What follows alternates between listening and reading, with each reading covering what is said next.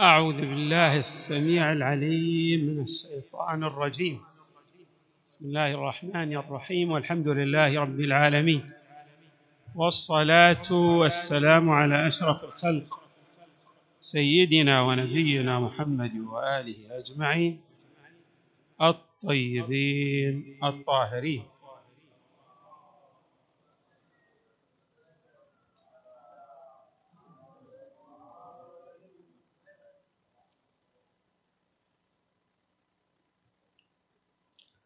السؤال يقول ما معنى ما ورد في قوله تعالى قل إنما أنا بشر مثلكم؟ يوحى إلي أنما إلهكم إله واحد. فمن كان يرجو لقاء ربه فليعمل عملا صالحا ولا يشرك بعبادة ربه أحدا. ما هو المراد بلقاء الله تعالى؟ وهل هناك لقاء حسي في يوم القيامة؟ بمعنى نرى الله تبارك وتعالى كما ينظر أحدنا إلى الآخر؟ الجواب لا. طبعا ليس كذلك. الله تبارك وتعالى لا يدرك بالحواس وهذا أمر قطعي ومسلم بحسب القواعد العقدية التي وردت في القرآن الكريم وأكد عليها الأئمة من أهل البيت عليهم السلام. الله لا يدرك بأي حاسة من الحواس بل لا يحاط به ولا حد له. الحد هو الذي يدلل على وجود محدود. والله تبارك وتعالى لا حد لوجوده فهو غير متناه في وجوده. ولهذا لا يمكن أن نقول بأن اللقاء لله كما ورد في هذه الآية أو في غيرها أو في الروايات المراد به هو اللقاء المحسوس. وإنما هذا يأتي بمعنيين. المعنى الأول يأتي بمعنى اليقين والإدراك التام للحق تبارك وتعالى. فالله تبارك وتعالى يدرك ادراكا تاما في عالم القيامة. بل قبل يوم القيامة الإنسان عندما يموت يكشف له الحجب فيدرك الحق تبارك وتعالى بمعنى يدرك أن الله تبارك وتعالى هو الحق. قبل يوم القيامة مجرد أن يموت الإنسان وينتقل إلى الحياة الأخرى يصبح لديه إدراك بوجود الحق ويكون لديه يقين بوجود الله تعالى. هذا مسلم. وقد أشارت طائفة من الروايات إلى ذلك بالإضافة إلى بعض آيات القرآن الكريم. إذا ليس المراد من الإدراك هو أو اللقاء هو اللقاء الحسي. معنى الأول يراد به إذن اليقين التام بوجود الحق تبارك وتعالى. المعنى الثاني للقاء الله هو يأتي بمعنى لقاء الفضل من عند الله تبارك وتعالى. إنسان لكونه يؤمن بوجود حساب وجزاء لأعماله في الدنيا فإذا مات سوف يحصل على هذا الأجر لأعماله الطيبة والصالحة التي صدرت عنه ومنه في هذه الحياة الدنيا بل ويلقى غير أعماله من الأعمال الصالحة التي تهدى إليه. وذلك من فضل الله تبارك وتعالى إذ جعل الأعمال الصالحة التي تهدى للناس تصل إليهم وإن لم يعملوه. عطاء من عند الله تبارك وتعالى. هذا المعنى الثاني أي المراد بلقاء الله هو نيل الكرامة نيل الجزاء. لقاء الملائكة الذين يبشرونه بأنه من أهل الجنة. وليس المراد باللقاء الإلهي هو اللقاء الحسي كما ينظر أحدنا إلى غيره. في هذه الحياة الدنيا.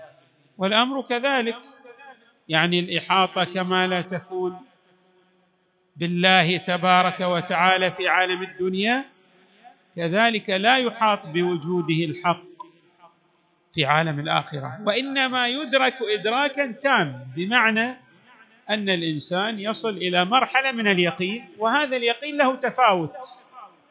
وهذا التفاوت كما يكون في الدنيا أيضا يكون في الآخرة. حتى الذين في الآخرة ليسوا على مرتبة واحدة من علمهم بالله. هناك من هو في أعظم درجات العلم وهم محمد وآل محمد. صلوات الله وسلم وهناك لا الأدنى فالأدنى. وقد أشارت بعض الروايات أيضا إلى هذا المعنى والعلماء أيضا يقسمون العلم إلى علم اليقين وعين اليقين وحق اليقين. علم اليقين هو العلم بالمؤثر من خلال الأثر أو بشيء من الأشياء من خلال أثره. كعلمنا هذا مثال يمثلون به كعلمنا مثلا بالدخان إذا علمنا بالدخان من خلال النظر راح نعلم أيضا بوجود نار. هذا نسميه علم يقين. أثر يدلل على مؤثر. هذا علم. عندنا آه نعم. عندنا عين اليقين. لا أدرك الدخان لأستدل بالدخان على النار وإنما أنظر إلى النار مباشرة. فأسمي هذا مو من خلال أثر للنار حرارة أو دخان من بعيد فأدرك النار. لا أنا أرى النار. كما نقول رأي العين. هذه نسميه شنو؟ عين اليقين. عندنا مرتبة ثالثة من العلم. هذا أعلى درجات العلم. أن الإنسان يقع في النار تقوم النار تاكل. شو نسمي هذا العلم بعد؟ يقول النار الآن هو في وسط النار. شو نسمي هذا العلم؟ نسمي حق اليقين هذا أعلى درجات العلم. العلم بالله كذلك له درجات. أعلى الدرجات كما قلنا هو هي هذه الدرجة للنبي صلى الله عليه وآله والعترة الصفوة أهل الكساء عليهم السلام والأئمة المعصومين من أهل البيت عليهم السلام. هذه أعلى درجات العلم لهم. وقد وردت طائفة من الروايات في أصول الكافي وفي غيره من المجاميع الحديثية تؤكد على هذا المعنى بأن أعلى درجات العلم من خلال الروايات الواردة في الاسم الأعظم. أعلى درجات العلم هي للنبي صلى الله عليه وآله ولآله. صلوات الله وسلامه عليهم أجمعين. إذا عرفنا ممكن أن نطلق العلم بالله على أحد معنيين. المعنى الأول هو الإيقان بوجود الحق تبارك وتعالى بمراتبه المختلفة. والمعنى الثاني لقاء الفضل لقاء الملائكة حتى الإيقان بالآخرة يستلزم الإيقان بالله تبارك وتعالى بنحو من الأنحاء كما نقول بالدلالة الالتزامية. يعني الإنسان الذي يؤمن بالآخرة يؤمن بخالق الآخرة فنسمي هذا الإدراك من خلال الدلالة الالتزامية. العلم باللازم كما يقولون يستلزم العلم بالملزوم. فمن أدرك أو أيقن بالآخرة فقد أيقن بالله. من أيقن بوجود حساب وجزاء وثواب فقد أيقن بالله. أما اللقاء الحس الحسي فهو ممتنع ابدا. طيب. لا بأس أن نستعرض طائفة من الروايات الواردة في هذا المعنى وردت عن أئمة من أهل البيت عليهم السلام. الإمام الرضا عليه السلام يقول نعم. أول رواية نأتي بها عن النبي صلى الله عليه وآله. يقول في صفة الله تبارك وتعالى فتجلى لخلقه. تجلى بمعنى ظهر. فتجلى لخلقه من غير أن يكون من غير أن يكون يرى وهو بالمنظر الأعلى. هذا التجلي والظهور للخلق. بمعنى إيصال الخلق إلى العلم بالله اليقين بالله لكن من غير أن يكون يرى ويحاط به تبارك وتعالى. رواية ثانية أيضا عن الإمام الرضا يقول متجل لا باستهلال رؤية. أيضا لما سئل أمير المؤمنين عليه السلام قيل له عن هل رأيت ربك؟ يا علي أنت. تعبد ربا هل رأيته؟ جاء هذا في مضمون عدة من الروايات وردت عن علي عليه السلام يعني عن أمير المؤمنين إنه سئل هذا السؤال وأجاب. فقال ما كنت بالذي أعبد الها لم أره. أنا لا أعبد الها لا أراه. طيب كيف رأيته؟ ثم قال لم تره العيون في في مشاهدة الأبصار غير أن الإيمان بالغيب بين عقد القلوب يعني انعقدت قلوب. أولياء الله على معرفة الله تبارك وتعالى المعرفة اليقينية والتامة. وأيضا عندما سأله أحد وهو ذعلب كما ورد في الرواية لما سأله عن رؤيته لربه قال ويلك يا ذعلب لم أكن بالذي أعبد ربا لم أره. قال يا علي كيف رأيته؟ صف لنا.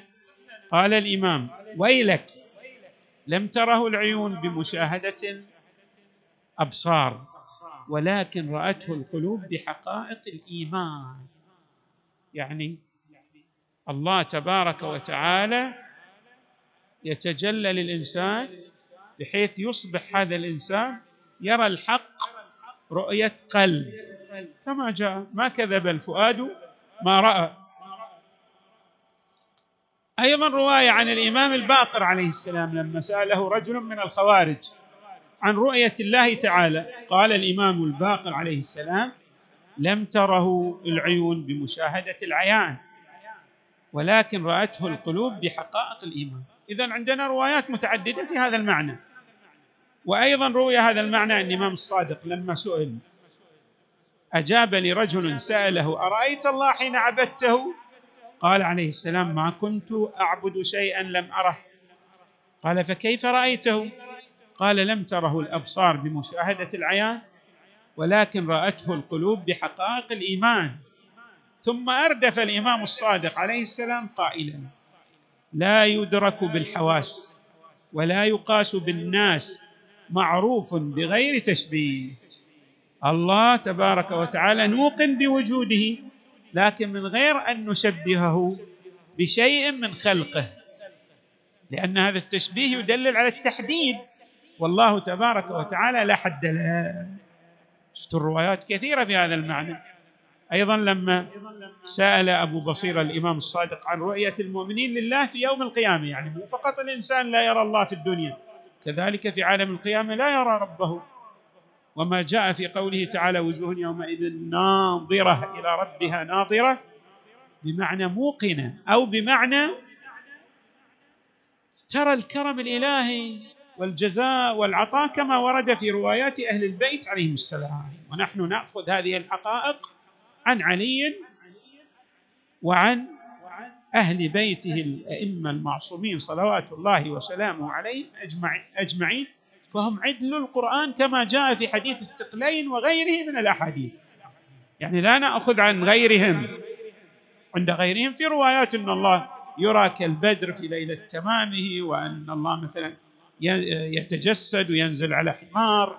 وهذه روايات موجودة في كتب القوم لكن نحن لا نؤمن بان الله تبارك وتعالى نعم له حد. الله له في وجوده لا حد له ولا يدرك بالأبصار بالحواس وإنما يدرك بمعنى الإيقان به بالقلب.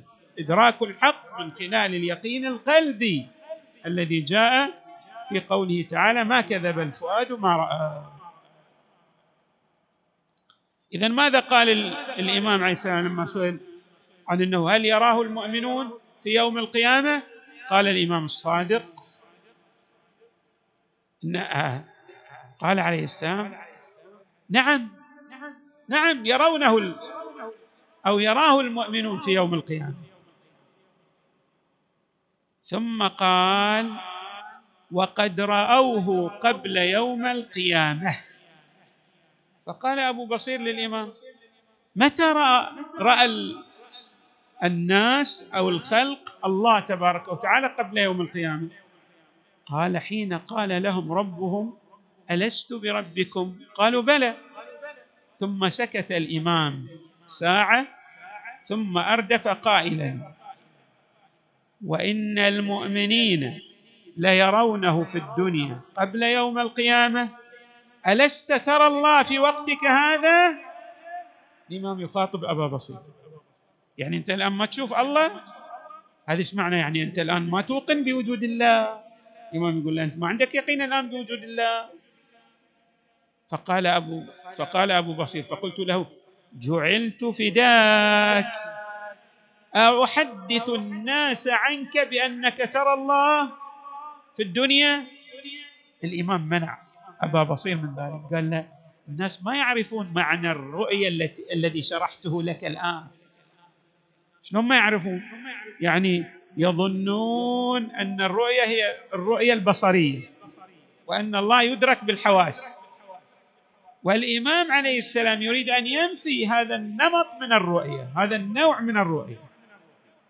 ويريد أن يشرح أن الله تبارك وتعالى المراد برؤيته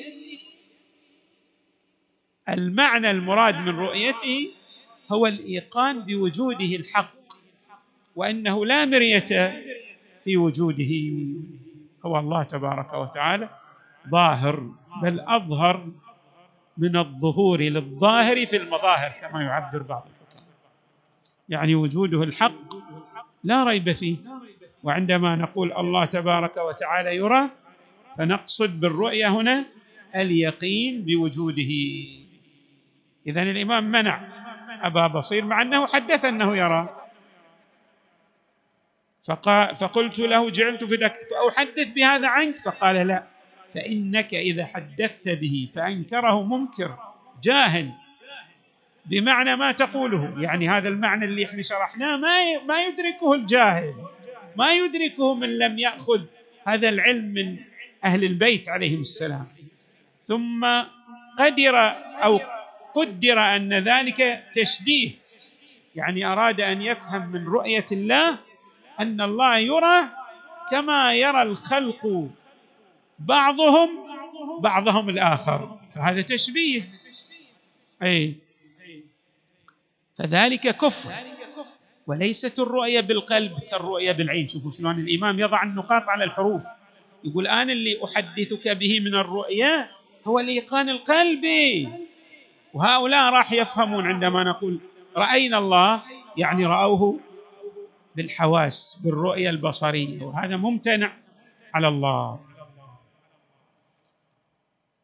وليست الرؤية بالقلب كالرؤية بالعين. تعالى الله عما يصفه المشبهون والملحدون. وفي حديث المعراج أيضا هكذا. حديث المعراج حديث جميل بس فيه حيثية دقيقة تشرح معنى رؤية الله تبارك وتعالى القلبية. إيش جاء في الحديث؟ هكذا. أما الحياة الباقية فهي التي يعمل يعمل الإنسان لنفسه حتى تهون عليه الدنيا. وتصغر في عينيه وتعظم الآخرة عنده. فإذا فعل ذلك يعني الإنسان سار في هذا الطريق في طريق الله أسكنت في قلبه حبا حتى أجعل قلبه لي وفراغه واشتغاله وهمه وحديثه من النعمة التي أنعمت بها على أهل محبتي من خلقي وأفتح عين قلبه شوفوا إيش معنى أفتح عين قلبه يعني أجعل قلبه موقنا بوجودي الحق يتحدث في حديث المعراج للمصطفى صلى الله عليه وآله حتى يسمع بقلبه وينظر بقلبه إلى جلالي وعظمتي شوفوا بعد. هذا وضع للنقاط على الحروف. ينظر بقلبه إلى جلالي وعظمتي.